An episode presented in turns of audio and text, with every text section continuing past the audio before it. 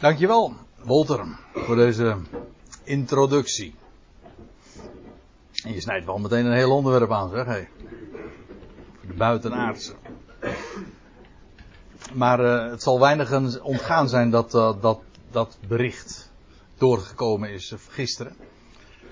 Want het werd met een hoop spektakel allemaal aangekondigd. Zeven aardes.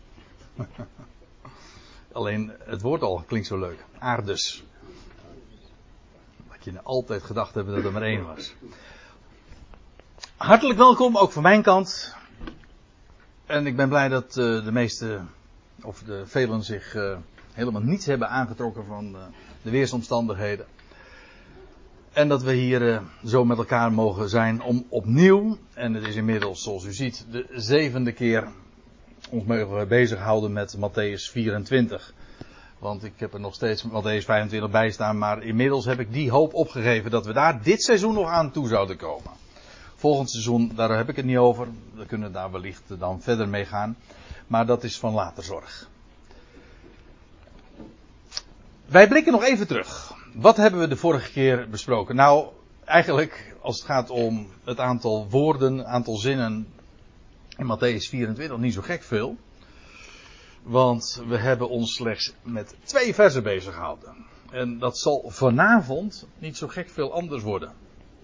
Het is allemaal zo compact wat we tegenkomen in Matthäus 24. Er staat zoveel in, met, met zoveel dwarsverbindingen, met tal van andere schriftplaatsen, dat je er niet aan ontkomt dat wanneer je het echt aandachtig leest en je wil weten wat de betekenis is en de schrift ook zichzelf wil laten uitleggen, ja, dan, dan ontkom je er niet aan om tal van passages daarbij te betrekken.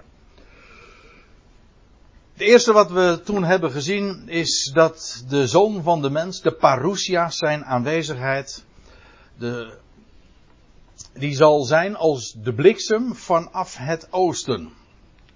Met name dat, niet alleen het feit dat het plotseling zal zijn, als de bliksem, maar ook vanaf het oosten is heel veelzeggend. En waar we ook uitgebreid bij stil hebben gestaan is die uitdrukking waar het lijk is, of zoals in de MBG-vertaling mening staat, waar het aas is, daar zullen de gieren zich verzamelen. Maar we hebben gezien, er staat gewoon het lijk. Waar het lijk is, daar zullen de gieren zich verzamelen. En wat we gezien hebben is dat dat een heel toepasselijke aanduiding is, juist in deze hele context, omdat in het boek Openbaring inderdaad gesproken wordt over bijgelegenheid van de parousia van de Heer Jezus Christus, dat dan ook inderdaad het lijk van de twee getuigen zal liggen op de straten van Jeruzalem, of ik moet eigenlijk zeggen op het plein van Jeruzalem. Namelijk het Tempelplein. Nou, dat hebben we tamelijk uitgebreid ook uh, bezien. En vervolgens, en dat was ook een, uh, dat was wat we de tweede helft van de avond hebben beschouwd, die verduistering van zon en maan. Dat is namelijk zo'n heel markant gebeuren, dat ook weer dus op tal van andere uh, schriftplaatsen genoemd wordt. Als de zoon des mensen zal verschijnen, dan zal zon en maan verduisterd worden en ook de sterren van de hemel worden daarbij betrokken, daarover straks meer. En dat zal zijn na de verdrukking van die dagen. Dat staat er heel uitdrukkelijk bij na de verdrukking van die dagen zal de zon en de maan verduisterd worden. En de zon zal verduisterd worden, de maan zal haar glans niet geven, zal bloed als bloedrood uh, zien. En om het eventjes in schema te zetten. We hebben gezien die periode van 1260 dagen, die iedere keer genoemd wordt in het boek Openbaring. Wordt ook anders aangeduid als 42 maanden, soms ook als tijd tijden en een halve tijd. Een jaar, twee jaar, een half jaar. Of als drie jaar en zes maanden. Kortom, maar het uh, mooie van al die aanduidingen is dat het toch allemaal uh, verwijst naar exact dezelfde periode. Namelijk de, nou ja, ik noem het dan voor het gemak maar eventjes hier, de 1260 dagen. Die vangen aan, dat hebben we gezien in het boek in, uh, in Matthäus 24, met de gruwel van verwoesting. Een gruwel, dat betekent dus een afgodsbeeld. En die zal worden opgericht in de heilige plaats in Jeruzalem. En. Oh, daar ligt mijn Bijbeltje. Ik zit hier vast. Wie zou mijn Bijbeltje even kunnen aangeven? Maar, ja, in, uh, in Matthäus 4. En, ja, kijk eens aan. Hartstikke bedankt. In vers 15 is dat. Wanneer je dan de gruwel van verwoesting uh, ziet staan, waarvan door de profeet Daniel gesproken is. Op de heilige plaats. Wie het leest, die geven er achter op. Laten dan, wie in Judea zijn, vluchten naar de bergen. Nou, en dan staat en dus, want al, er zal een grote verdrukking zijn. Die vangt dus bij deze gelegenheid aan. Op het moment dat er een afgodsbeeld geplaatst zal worden op het tempelplein van Jeruzalem. Dat, dat zal trouwens ook een vervanging zijn. Het zal namelijk de dagelijkse offerdienst vervangen. En dat betekent dus, er, er zal op dat tempelplein weer een Joodse offerdienst zijn.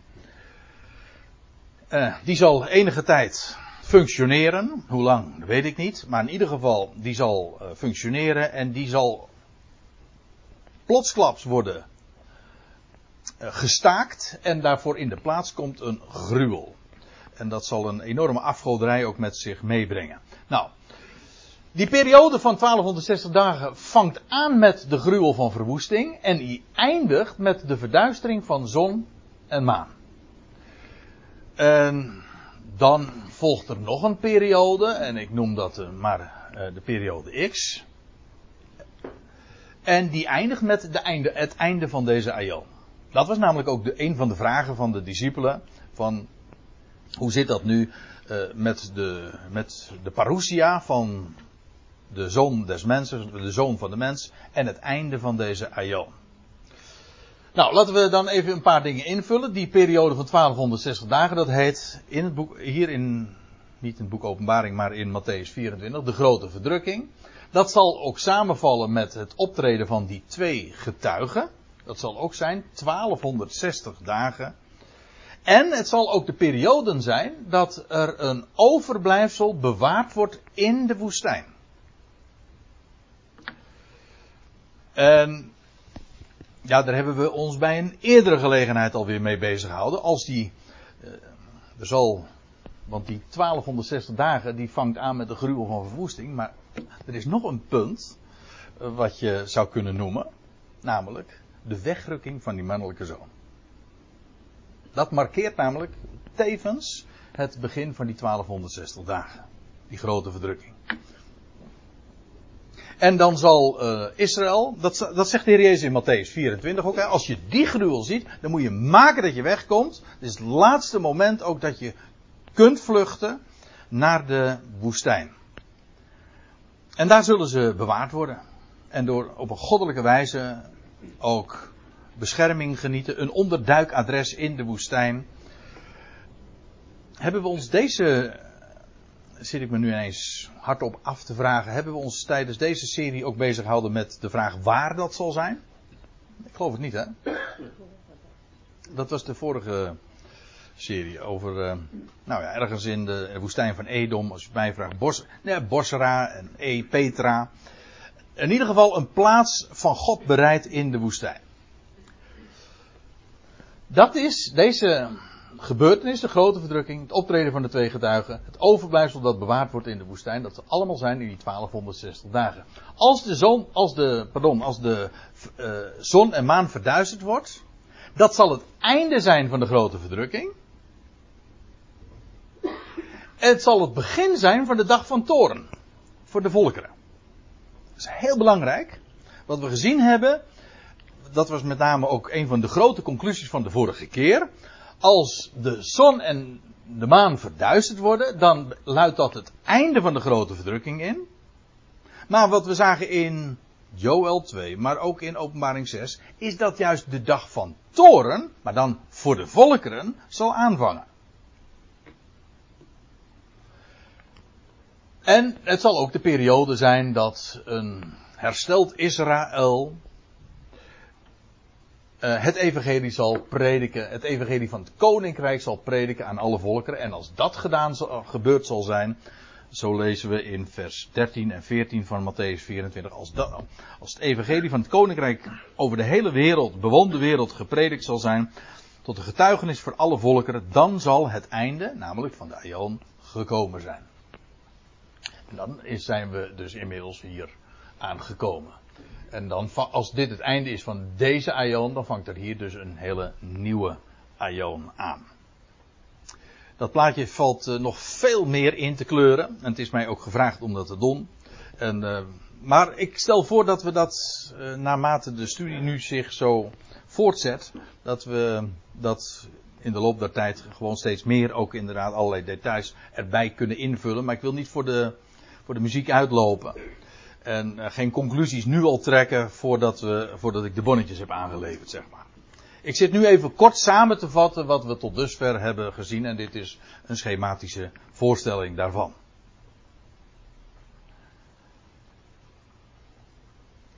Ja, er is heel veel over te zeggen. Wist u trouwens dat, uh, dat uh, merkte ik gisteren op. Er is geen vraag, dat zeg ik zo even tussendoor, maar ik vond het wel opmerkelijk.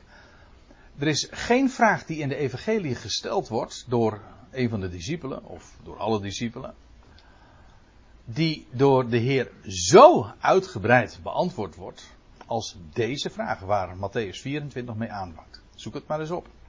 Geen vraag wordt zo uitgebreid beantwoord. Dus ja, er valt heel veel over te zeggen. Feitelijk is wat, wat de Heer Jezus in Matthäus 24, daar op de Olijfberg, terwijl ze zo naar het tempelcomplex uh, kijken en terwijl de stad van Jeruzalem aanschouwd kan worden, ja, heeft de Heer met die view, zeg maar, voor ogen, is. Uh, verhaalt hij uh, over de toekomst, maar ook. Uh, het is een compilatie feitelijk van citaten en van referenties naar tal van passages in de profeten. Vandaar ook dat hij zegt van, uh, zoals je dat dan gelezen hebt in de profeet Daniel, wie het leest geven acht op, maar uh, Ezekiel, al die profeten, het komt allemaal voorbij. Zonder zelfs dat ze bij name genoemd moeten worden. Dat is helemaal niet nodig. Je wordt eigenlijk geacht te weten wat daar staat, voordat je ook Matthäus 24 uh, kunt verstaan. Goed, nou, uh, vers 29, daar waren we in gebleven. Ik lees het nog eventjes voor. Onmiddellijk echter na de verdrukking van die dagen zal de zon verduisterd worden en de maan zal het lichtschijnsel van haar niet geven. Nou, dat was het laatste wat we hebben gezien. En, daar hebben we ons niet meer mee bezig gehouden. Nou ja, heel kort even. En de sterren zullen vallen. Er staat niet alle sterren, maar de sterren zullen vallen vanaf de hemel. En hier, gezien het feit dat ze genoemd worden in één, en, ja, genoemd worden in één adem met de zon en de maan, kan het niet anders dat we hier inderdaad aan letterlijke sterren moeten denken. Hoewel we trouwens ook hebben gezien uh, dat die, dat Heer des hemels, of de sterren des hemels, ook een type zijn van het volk van Israël. In Daniel 8 wordt het heel uitdrukkelijk zo gezegd dat het, dat het Heer des hemels uh, ter aarde geworpen zal worden. En dat is daar in die context heel duidelijk ook uh, een, een, een, manier van zeggen dat uh, vele Israëlieten zullen omkomen daar op dat stuk grond. Dus het is en typologisch waar, maar ook heel letterlijk. Het is een kosmisch, met een S ja, want komisch is het allerminst. Een kosmisch gebeuren. Dat blijkt dan vervolgens ook wel uit wat er na, navolgt, want en de sterren zullen vallen vanaf de hemel. Dus ja, niet alleen de, die tekenen van, van de zon en de maan, maar ook die sterren. En er staat erbij, en de machten van de hemelen, van de hemelen zullen geschud worden. Over uh, een kosmische ja, drama dat zich hier voltrekt. Nou, dat lijkt me toch uh, niks te veel gezegd. Zo stabiel als de hemel zich altijd voordoet en zo voorspelbaar als ze is, dan zal, zullen de machten van de hemelen, ja, zoals de, de aarde kan beven en geschud worden, zo kan dat ook met de hemelen. En zo, zo zal dat ook gaan. De machten van de hemelen zullen geschud worden. In uh, Lucas 21, dat is een parallel uh, vers. Ik wil die er even bij betrekken, omdat dat er ook nog weer licht op werpt. Hoewel, ik moet er trouwens meteen bij zeggen, Lucas 21 valt niet samen met Matthäus 24. Lucas, 24, eh, Lucas 21, dat heeft ook nog een ander thema, namelijk de gebeurtenissen van het jaar 70, die daarin beschreven worden. Maar we beperken ons tot Matthäus 24. Maar dan staat er uh, dit in verband met die, met die machten van de hemelen die zullen geschud worden. Dan staat er dit. En er zullen tekenen zijn in zon. Let op hoe het gezegd wordt. Er zullen tekenen zijn in zon en maan en sterrenbeelden. Staat er hier niet het gewone woord voor sterren, maar constellaties van sterren. Dus wat wij dan sterrenbeelden noemen. Zullen tekenen zijn in zon maan en sterrenbeelden. En op de aarde, dit is een letterlijke vertaling. En op de aarde spanning of druk van natieën in radeloosheid. En dan staat erbij van weergalming van zee en beving. Dus uh, het is een kosmisch gebeuren, dat wil zeggen de hemelen die worden geschud, maar er vindt ook, weten we, een aardbeving plaats. Al was het maar de olijfberg die bij die gelegenheid zal midden doorsplijten. We komen er ook daar nog over te spreken trouwens vanavond. Maar ook de zee wordt niet onaangeroerd gelaten. Die, er zal een echo, een weergalming zijn van, van de zee en beving. Ik denk eigenlijk meteen ook aan een tsunami. Hè? Moet je voorstellen wat er dan aan de orde is de, de volkeren die optrekken en daar gestationeerd zijn, de legermachten daar in Jeruzalem. De staat Israël die op het punt staat compleet vernietigd te worden. En eigenlijk al vernietigd is. En dan die tekenen, en dan, ja, want wat is het grote keerpunt? Daar hebben we het al eerder over gehad. Het volk zal in uiterste nood, dat wat er van overgebleven is in het land, zal in uiterste nood de naam aanroepen. En dan zal hij verschijnen. Maar dat, zal dus, dat zijn dus de begeleidende verschijnselen. Aan de hemel, maar ook dit uh, wat hier beschreven wordt. En nou lees ik er nog even iets bij, vers 26, want daarom ga ik naar, ben ik even naar Lucas 21 gegaan. Terwijl mensen bezwijmen van vrees. Flauwvallen. Dat is eigenlijk wat er staat. Ze bezwijmen van vrees en verwachting. Ze weten, ze weten dus dat wat er gaat komen. Van de dingen die tot de, tot de bewoonde wereld komen. Want staat er, de machten van de hemelen zullen worden geschud. En dat maakt het gebeuren helemaal uniek. Want het is dus niet alleen maar wat er op aarde plaatsvindt, maar ook die samenloop met de dingen die in de hemelen, de constellatie van sterren. Want de zon en de maan, dat is nog wat anders dan zeven planeten van. Uh, trappisten, oh ja, zo was die ja. Vinden, hè? Nee, uh, en dan zullen ze inderdaad gaan ontdekken dat er uh, buitenaards leven is. Dat zullen ze dan gaan noemen. Hè? Zo zullen ze het ongetwijfeld. Uh, een buitenaards bezoek krijgen ze dan. Maar dat hadden ze nou weer net even niet verwacht. Ja, zij noemen dat dan ongetwijfeld buitenaards uh, bezoek. Zo het staat dichtbij hoor. Eigenlijk wordt de wereld wordt er al helemaal klaar voor gemaakt. Hè? Maar ze zullen toch ontsteld zijn dat het, op, dat het zich op deze wijze zich zal aandienen. De machten van de hemelen zullen worden geschud. Nou ja, denk daar nog maar eens over na. En ik doe dat zelf ook. En wat dat uh, allemaal mag uh, betekenen. Maar één ding is wel duidelijk. De, de impact die het zal hebben op de natieën en op alle mensen. In die zin is dit ook echt een wereldwijd gebeuren. Vanwege ook de verwachting van wat men weet van wat er nu uh, gaat, gaat plaatsvinden. Dit is ook dus een, een, hele transitie, een overgang van een ene era, van één tijdperk naar, naar een, een volgende. Het, nooit zal het meer zijn zoals het was. Dit is een keerpunt. Goed. Vers 30. En dan. Uh, ja, de sterren zullen vallen vanaf de hemel, de machten van de hemel zullen geschud worden. En dan zal het teken verschijnen van de zoon van de mens in de hemel. Aha. Maar voordat we op dat eigenlijke bezoek. Op, ja, goh, ik kan het nou niet meer nalaten. Walter, je hebt me op het spoor gezet om het nou zo te noemen. Voordat we op dat buitenaards bezoek uh, uh, verder gaan. Eerst even dit. Dan zal het teken van de zoon van de mens in de hemel verschijnen. Uh, wat is dat teken? Nou, eerst, in de eerste plaats, het refereert aan de vraag zelf, die in vers 3 al was gesteld door de discipelen. Toen, want dan staat er, en toen hij gezeten was op de Olijfberg, kwamen de leerlingen, de leerlingen, privé tot hem, zeggende, zeg ons, wanneer zullen deze dingen geschieden? Refererend aan de, de verwoesting van Jeruzalem en de tempel. En wat is het teken, let op, wat is het teken van uw parousia, uw aanwezigheid? En van de voltooiing, het einde, ja, de voltooiing van de Aion. Maar even dit vooral. Hè. Het teken van uw parousia.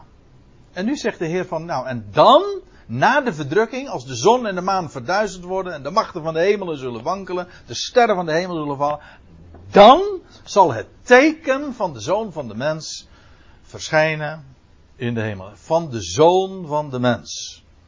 We hebben al vaker bij die uitdrukking eh, stilgestaan. Niet de zoon des mensen. Nee, het is de zoon, de zoon, twee keer bepaald hè. De zoon van de mens. In het Hebreeuws is het de Ben Adam. De erfgenaam van Adam.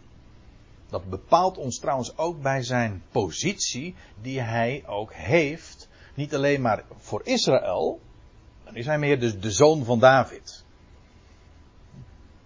Maar de, de Ben Adam, de zoon van de mens, dat is, dat, daarmee is, uh, neemt hij de positie in en heeft hij ook de rechten, de erfrechten. Een zoon is een erfgenaam.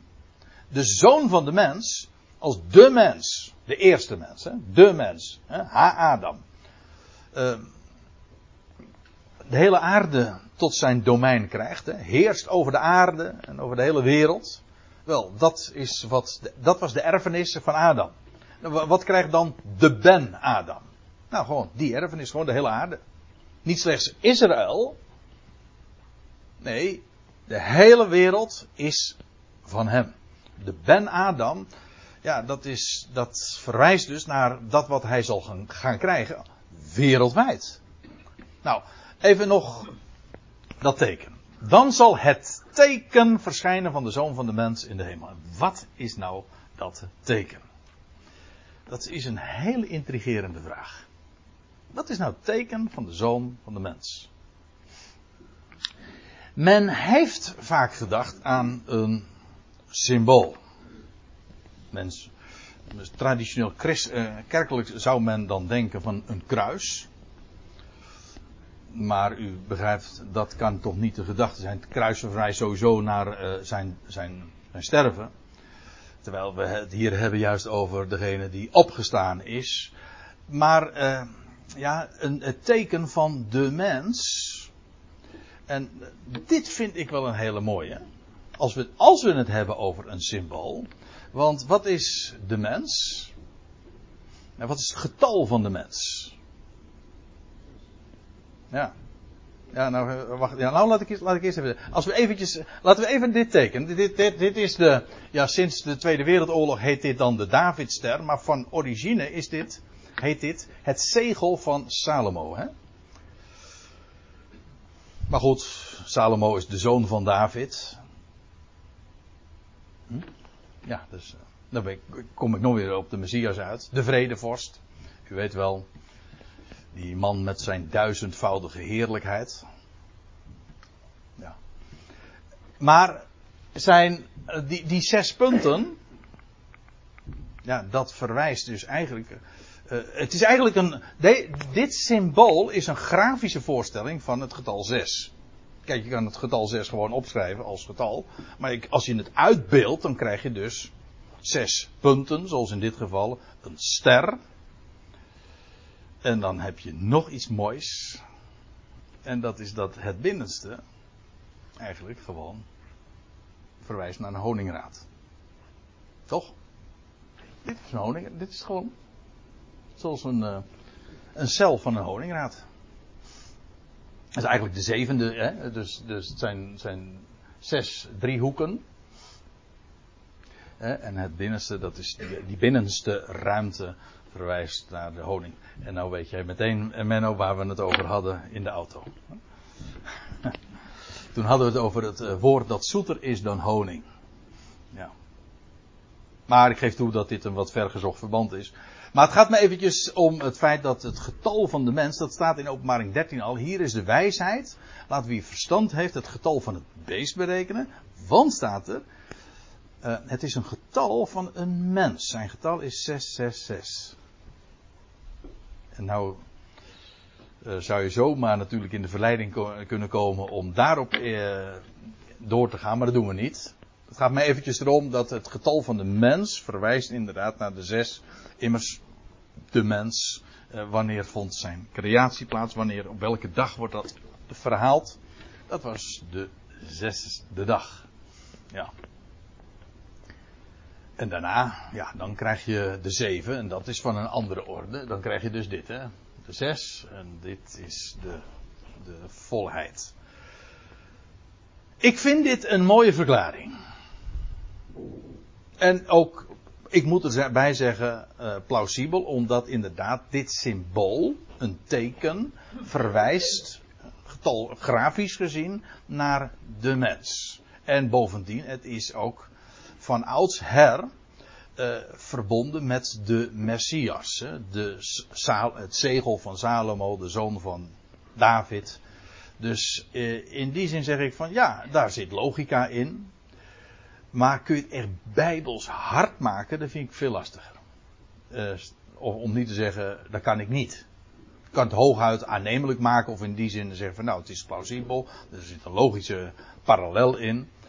Maar dan wil ik u uh, op nog iets wijzen. En dat is dat we misschien helemaal niet hoeven te denken aan een, een symbool dat zal verschijnen in de hemel. Het kan namelijk ook gewoon zo gelezen worden. Dan, dan zal het teken verschijnen van de zoon van de mens in de hemel. Dat is namelijk, dat, wat is het teken? De verschijning van de zoon zelf. En dan hoeven we helemaal niet aan iets aparts te denken. Uh, uh, want één ding is zeker, de zoon van de mens zal bij die gelegenheid verschijnen. Dat staat namelijk Paul in het vers hier, hierop volgend. Dan zal de zoon des mensen verschijnen. En dat is het teken. Waarop gewacht wordt. En dus ook, ik moet zeggen, het is heel logisch. Eh, bijvoorbeeld in Romeinen 4, vers 11 wordt er gesproken over het teken van de besnijdenis. Wat is het teken van de besnijdenis? nou, de besnijdenis. En wat is het teken van de zoon des mensen? Nou, dat de zoon des mensen zal verschijnen. Dat is, dat is het teken van hem. En eerlijk gezegd vind ik dat het meest logisch, gewoon ook vanuit de tekst. Dus ik heb, er, uh, ik heb u nu twee ja, verklaringen zeg maar, van de hand gedaan. En in principe zou je nog kunnen verdedigen dat ze elkaar niet bijten. Maar het is wel zo dat deze laatste verklaring de eerste overbodig maakt. Dat wel. Goed. Ik heb het genoemd en ook dat geldt trouwens voor alles wat ik uh, doorgeef. Ik geef door dat wat ik gevonden heb en wat ik de moeite waard vind om het, uh, om het te vertellen en door te geven. En dat heb ik bij deze ook gedaan. En ik moet er ook bij zeggen, ik vind het toch altijd wel heel erg mooi om, uh, en die, die neiging kan ik altijd moeilijk weerstaan, om wat te, ja, over de typologie te vertellen, hoe dingen een uitbeelding zijn. En, en dan vind ik van zo'n uh, van zo'n ster, ja, daar gaat gewoon uh, sprake van uit. Sterren, van sterren gaat sowieso een sprake uit. En van sterrenbeelden en zo. Akkoord.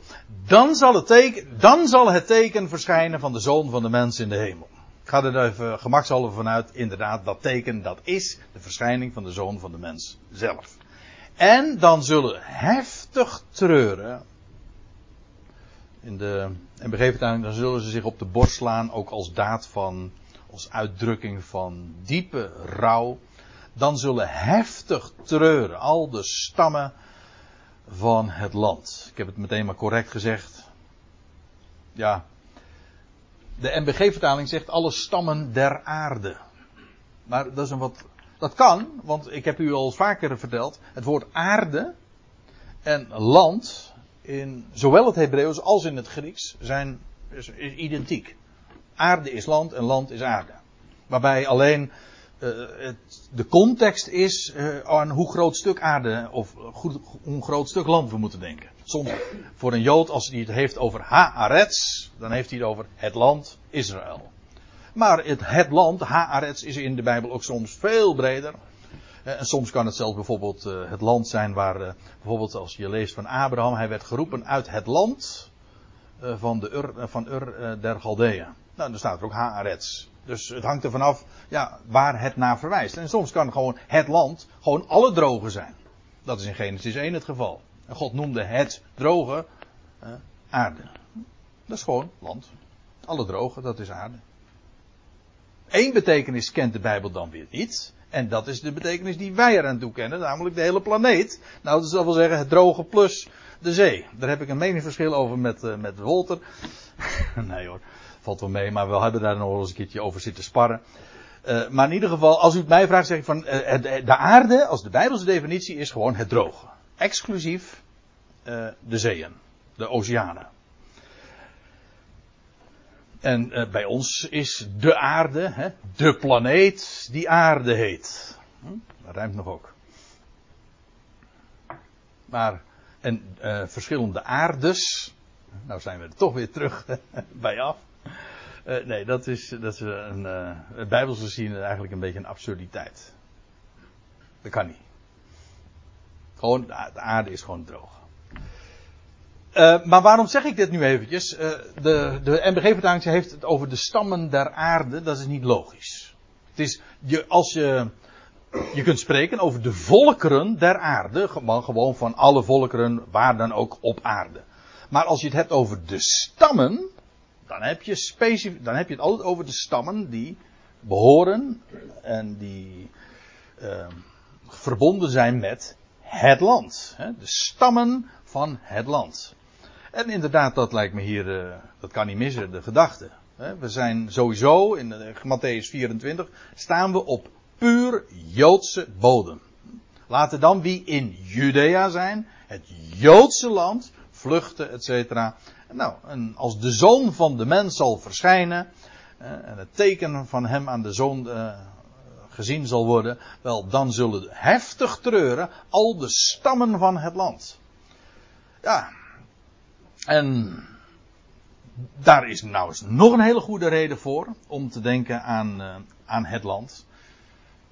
Behalve het feit dat er gesproken wordt over de stammen, al de stammen. Maar het punt is ook nog eens.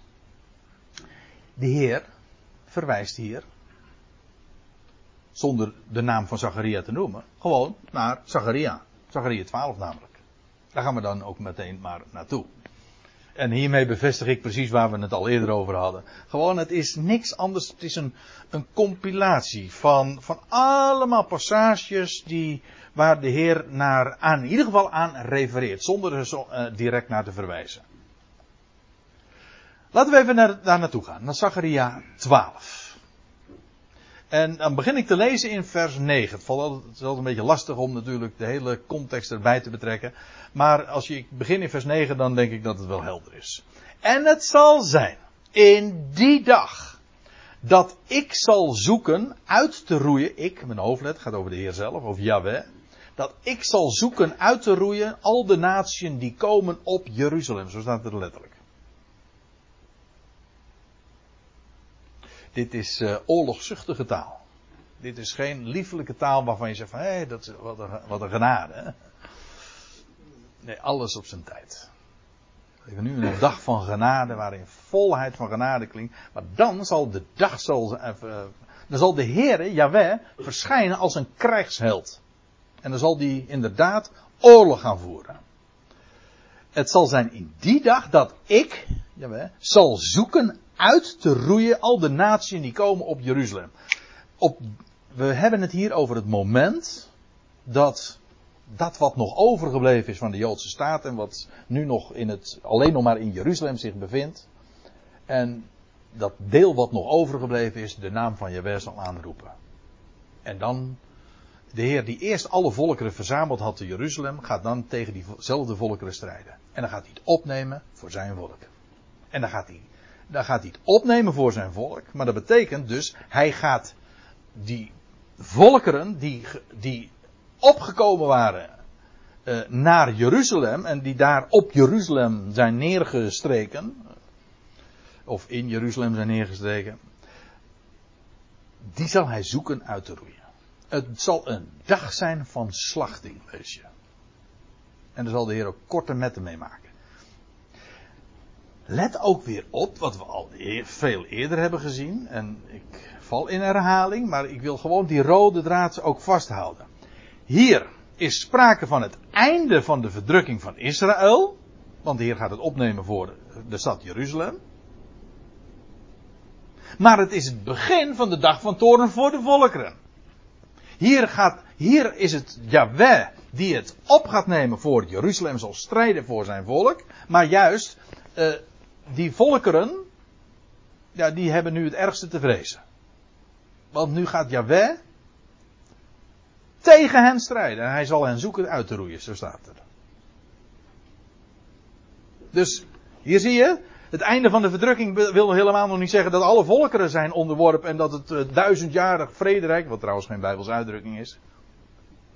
Nee. Wat weet je, weet je wanneer de duizend jaren beginnen? Als de Satan gebonden is. Je moet eigenlijk dus spreken niet over de duizendjarige heerschappij van Christus. Zijn heerschappij is een heerschappij voor Ionen die wat geteld wordt, is de binding van Satan. En hoezo wordt die gebonden? Opdat hij niet meer de volkeren zou verleiden. Dus die duizendjarige binding vangt aan als de volkeren niet meer verleid zullen kunnen worden. Dat is hier nog niet het geval. Hier zijn de, hier zijn de volkeren nog niet onderworpen. Aller, alles, allerminst. Hier is alleen Israël uh, ja, hier, uh, de Heer neemt het op voor Israël. Het volk gaat verzameld worden. Daar, daar, komen we nog uitgebreid over te spreken. En, hij, en de natieën, ja, die hebben nu inderdaad de, de dag van toren te vrezen. Ziet u? Verdrukking, einde verdrukking, begin van de dag van toren.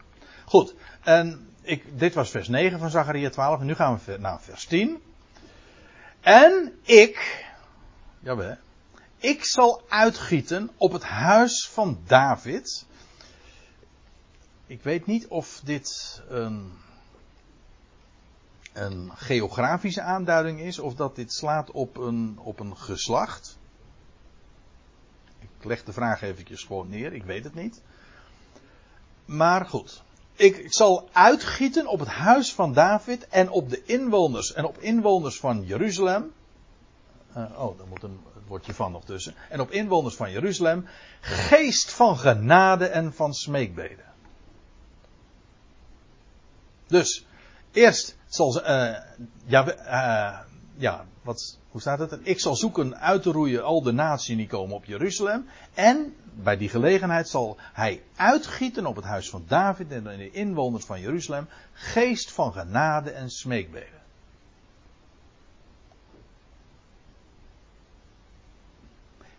Dat kennen we trouwens ook. Maar dan moeten we weer naar Joel toe, want in Joel 2 lazen we. En daarna zal het zijn dat ik mijn geest zal uitgieten op alle vlees. Niet uh, in, de, in de zin van alle volkeren. Nee, en jullie zonen en jullie dochters zullen profiteren. Dat wil zeggen dat alle vlees van het volk namelijk. En jullie zonen, zonen en dochters zullen profiteren. En dan, eh, trouwens even later lees je. En de zon wordt gekeerd tot duisternis en de maan tot bloed. Voor het komen van de grote en gevreesde dag van Yahweh. Ziet u hoe iedere keer we weer in dezelfde lijn worden bevestigd? Namelijk, dit. Hè, als de Heer zijn geest gaat uitgieten op heel dat volk, op alle vlees van zijn volk. Hij zal uitgieten een geest van genade en, en van smeekbeden daar op de inwoners van Jeruzalem. Wat er nog overgebleven is. En dus alle vlees wat nog overgebleven is. En dan staat er ook, en de zon wordt gekeerd tot duisternis. En dan weet je ook meteen wanneer het zal zijn. Aha, bij de verduistering van de zon en de maan. En wat breekt dan aan? Wel, het, de, die grote en gevreesde dag van Yahweh. De dag van toren, wanneer hij namelijk zich zal keren tegen de natie. Voor, hij zal het opnemen voor zijn volk. Maar, en het einde van de verdrukking zal dan ingeluid zijn. Maar tegelijkertijd, de dag van toren voor de natieën zal aanvangen. Is dat, is dat helder? Hè? Uh, nee, hier, hier, hier is, uh, ja, er is sprake van, in, we zullen dat trouwens straks ook nog zien in Zachariah 14. Dan gaat het inderdaad over een dag. Dan staat er van, en de tijden van de avond zal het licht zijn. Dan gaat het heel duidelijk over een gewone dag. De dag des Heer in het algemeen, dat is geen, dat is een periode. Maar dat is denk ik weer even een andere, dat is nog weer een, even een ander verhaal. De dag van toren, trouwens, is ook geen, niet één dag. Dat is een hele periode. Um, wat is het bonnetje nou, hè? Wat is het bonnetje ervan? Wil je die nu hebben? Ja. Uh, ik zit uh, nu even te denken om dat bonnetje nu. Nee, nee, dat doe ik niet, want, want dat, dat zou me weer. Uh, nou, in ieder geval, ja, dan komen we, dan komen we op deze dia's niet meer terug. Eén ding is duidelijk. Die dag van toorn zal dus aanvangen. Uh, maar even ook nog dit. Ik zal uitgieten op het huis van David de inwoners van Jeruzalem geest van genade en van gebeden. Dit is, dit is Pinksteren in de eindtijd. Dus. Als u begrijpt wat ik bedoel. Dan wordt de geest uitgestort op dat overblijfsel. U moet dat woord heel letterlijk nemen. Die rest, wat gebleven is, niet omgekomen is. Er zal de geest worden uitgestort van genade, van smeekbeden. Een totale innerlijke verandering ook. En het heeft ook trouwens te maken, jullie zonen en, en jullie dochters zullen profiteren. Ze zullen het woord van God uitspreken. Dat is wat profiteren toch ook is. En, ik lees verder, want we zijn nog steeds niet bij die link met Matthäus 24, en nu, maar nu wel. En ze zullen mij zien die zij doorstaken. Als u een MBG-vertaling hebt, dan staat er en ze zullen hem zien die zij doorstaken. En ik begrijp heel goed waarom ze dat gedaan hebben. Omdat eh, een zinsnede verder inderdaad over hem weer gesproken wordt in de, de derde persoon dus. eh, dat is vreemd. Dus dan zou je hier ook over de derde persoon moeten spreken. Ze zullen hem zien. Maar er staat in het Hebreeuws, hoe je het ook wendt of keert, staat ze zullen mij zien. Jawel namelijk. Namelijk het beeld van Jawel. Zoals je in Zacharia ook verleest, hè, zal verschijnen, zijn voet zal staan op de olijfberg. Ja, wie is dat? Jawel is de onzienlijke, maar hij zal zich tonen in zijn icoon, in zijn beeld, in zijn teken. Dus. Maar let op.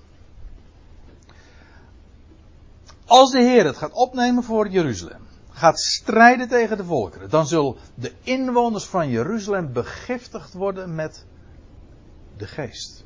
Hij zal uitgieten, is een prachtig beeld, hè? Uitgieten. Als die, uh, als over sterrenbeelden trouwens gesproken.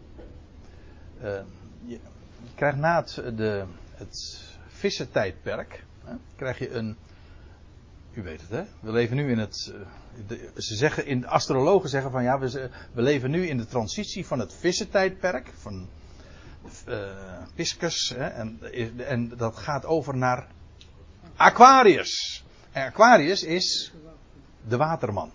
En weet u wat die waterman is? Dat is die, die, die man die een kruik leeg giet zo op, op de dorstige aarde. Dat is die waterman. Heb je ooit wel eens plaatjes daarvan gezien? Dat is de water, dat is Aquarius. 2000, ja, dat is zo boeiend. Hè? Ik zeg het er zomaar even bij, omdat we het hier over uitgieten hebben. En 2000 jaar lang heeft de zon in het sterrenbeeld vissen gestaan. Sterrenbeeld, vissen. 2000 jaar. Ik zal u maken tot vissers van mensen. En nu, dat is even aan het einde van die 2000 jaar. Je kunt niet daar een specifiek moment op vastpinnen. Maar langzamerhand verschuift de zon in het sterrenbeeld, het lentepunt. Laten we niet al te technisch worden. Het lentepunt verschuift naar uh, het, het, teken van de, het sterrenbeeld van Aquarius. En dat is toch boeiend.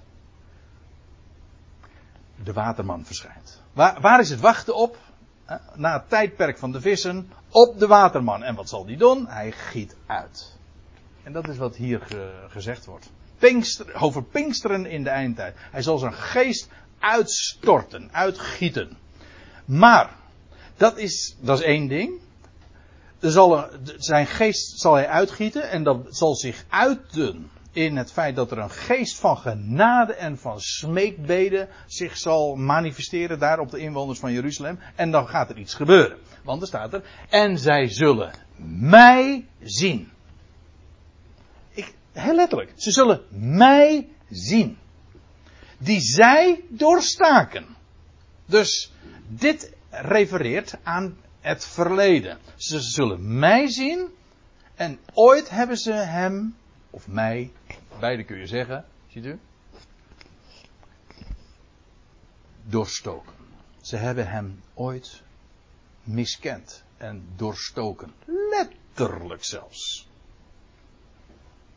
Dat het letterlijk is, dat lees je in Johannes Evangelie. Ik ga dat er nu verder niet bij halen. Ik heb er ook geen diaatje van.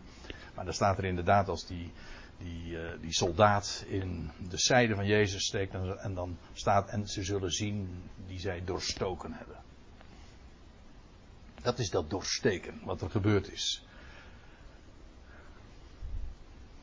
Ze zullen mij zien die zij doorstaken. De inwoners van Jeruzalem. Dat hebben inderdaad de inwoners van Jeruzalem ooit gedaan. En dat zal zo'n ontzagwekkend moment zijn. En dat, want dat blijkt, ze, ze zullen mij zien, letterlijk. Zijn voeten zullen staan op de olijfberg, dat is dan weer Zacharia 14. Maar ze zullen mij zien, die zij doorstaken, en rouwklagen over hem. Als een rouwklacht over de, e, over de enige zoon. Zo staat er letterlijk. En bitter verdriet over hem hebben. En als bitter verdriet om de eerstgeborene. En in beide gevallen, hij is de enige zoon. Hij is ook de eerstgeborene, in welk opzicht trouwens ook. He? Van, de, van elk schepsel, ja. De eerstgeborene uit de doden ook. En de enige zoon is hij. De unieke. En dan zal het moment van herkenning zijn. Ze zullen, ze zullen hem zien. Ze zullen de naam van Yahweh aanroepen. Yahweh zal komen. Ze zullen mij zien. En wie zien ze dan? De enige zoon. De eerstgeborene. Die ze ooit, de inwoners van Jeruzalem, hebben doorstoken. Dat zullen ze zien aan de tekenen. De tekenen in zijn handen, voeten, zijden. Dat, let, let trouwens op, dat heette dan geen wonden meer. Hè? De Heer heeft geen wonden in zijn, in zijn lichaam. Een opstandingslichaam van heerlijkheid, maar wel de tekenen. Zelfs als wij hem straks zullen zien, dan zullen we hem daaraan ook herkennen. En die tekenen. Uh, je leest in het boek Openbaring dat, uh, dat als de leeuw van Juda uh, gezien wordt, dan, dan wat, ziet, wat ziet Johannes dan? Een lammetje staande als geslacht. Is toch bijzonder, hè? Een lammetje dat geslacht is, dat ligt normaal gesproken, dood. Nee, maar dit lammetje is geslacht, maar hij staat. Hij is namelijk opgestaan, maar nog steeds draagt hij die tekenen als de geslachte. Die tekenen in zijn, zijn handen, in zijn zijden, in zijn voeten. Dus ze zullen zien die zij doorstaken. Waaraan zien ze dat? Wel gewoon aan het feit dat hij doorstoken is. Aan, aan de tekenen in zijn handen en zijn voeten en zijn zijden. En vandaar die, die ervaring. Is het hem dan toch? Ik moet haast aan, ja, ik moet aan diverse geschiedenissen denken, maar met name ook aan de ervaring die die broers van Jozef ooit hebben gehad. Als, als Jozef zich dan aan hen bekend maakt. En dan zegt hij, ik ben Jozef. Die jullie hebben verkocht naar Egypte. En dan vallen de schellen van hun ogen. Wauw, hoe is het mogelijk? Dat is die ervaring. Hij, de doodgewaande zoon van Jacob. Hm, want dat is wat de Heer Jezus is ook. Ze hebben hem ooit vermoord. En wat zal blijken? Degene die dan zal verschijnen. Dat zal niemand minder zijn. Dan degene die ze zelf ooit doorstoken hebben. En vandaar ook een rouwklacht over hem aanheffen. Bitter verdriet daarover hebben. Ja, niet, geen bitter verdriet over het feit dat hij dood is maar bitter verdriet over het feit dat zij hem ooit hebben doorstoken. En dat degene die zij doodwaande hun bloed eigen Messias is. Wat een, wat een ervaring, joh. Het is. Ik, ik, ik, denk er trouwens ook aan, dat, trouwens, dat was bij Jozef ook al het geval toen hij zich bekend maakte. Iedereen werd weggestuurd. Dit is een, een, een moment, dit is tussen Israël en de Heer zelf. Er staat hier ook bij, hè? De, de geest van genade en gebeden en de inwoners van Jeruzalem. En dan zullen zij hem zien. En, en die ervaring, dat is iets wat zij zullen uh, ervaren, zullen meemaken. Wat de, wat de andere volkeren hiervan mee zullen krijgen, weet ik niet. Ik heb heel sterk de indruk dat dit echt inderdaad iets is tussen hen, tussen het volk, de stammen van de aarde, de stammen van het land. En de doorstokene, de, de enige zoon en de eerstgeborene. Dus, ja, er is trouwens nog één, uh, nog een, uh, ja, dat is de laatste die ik eventjes dan wil noemen. Uh, openbaring 1.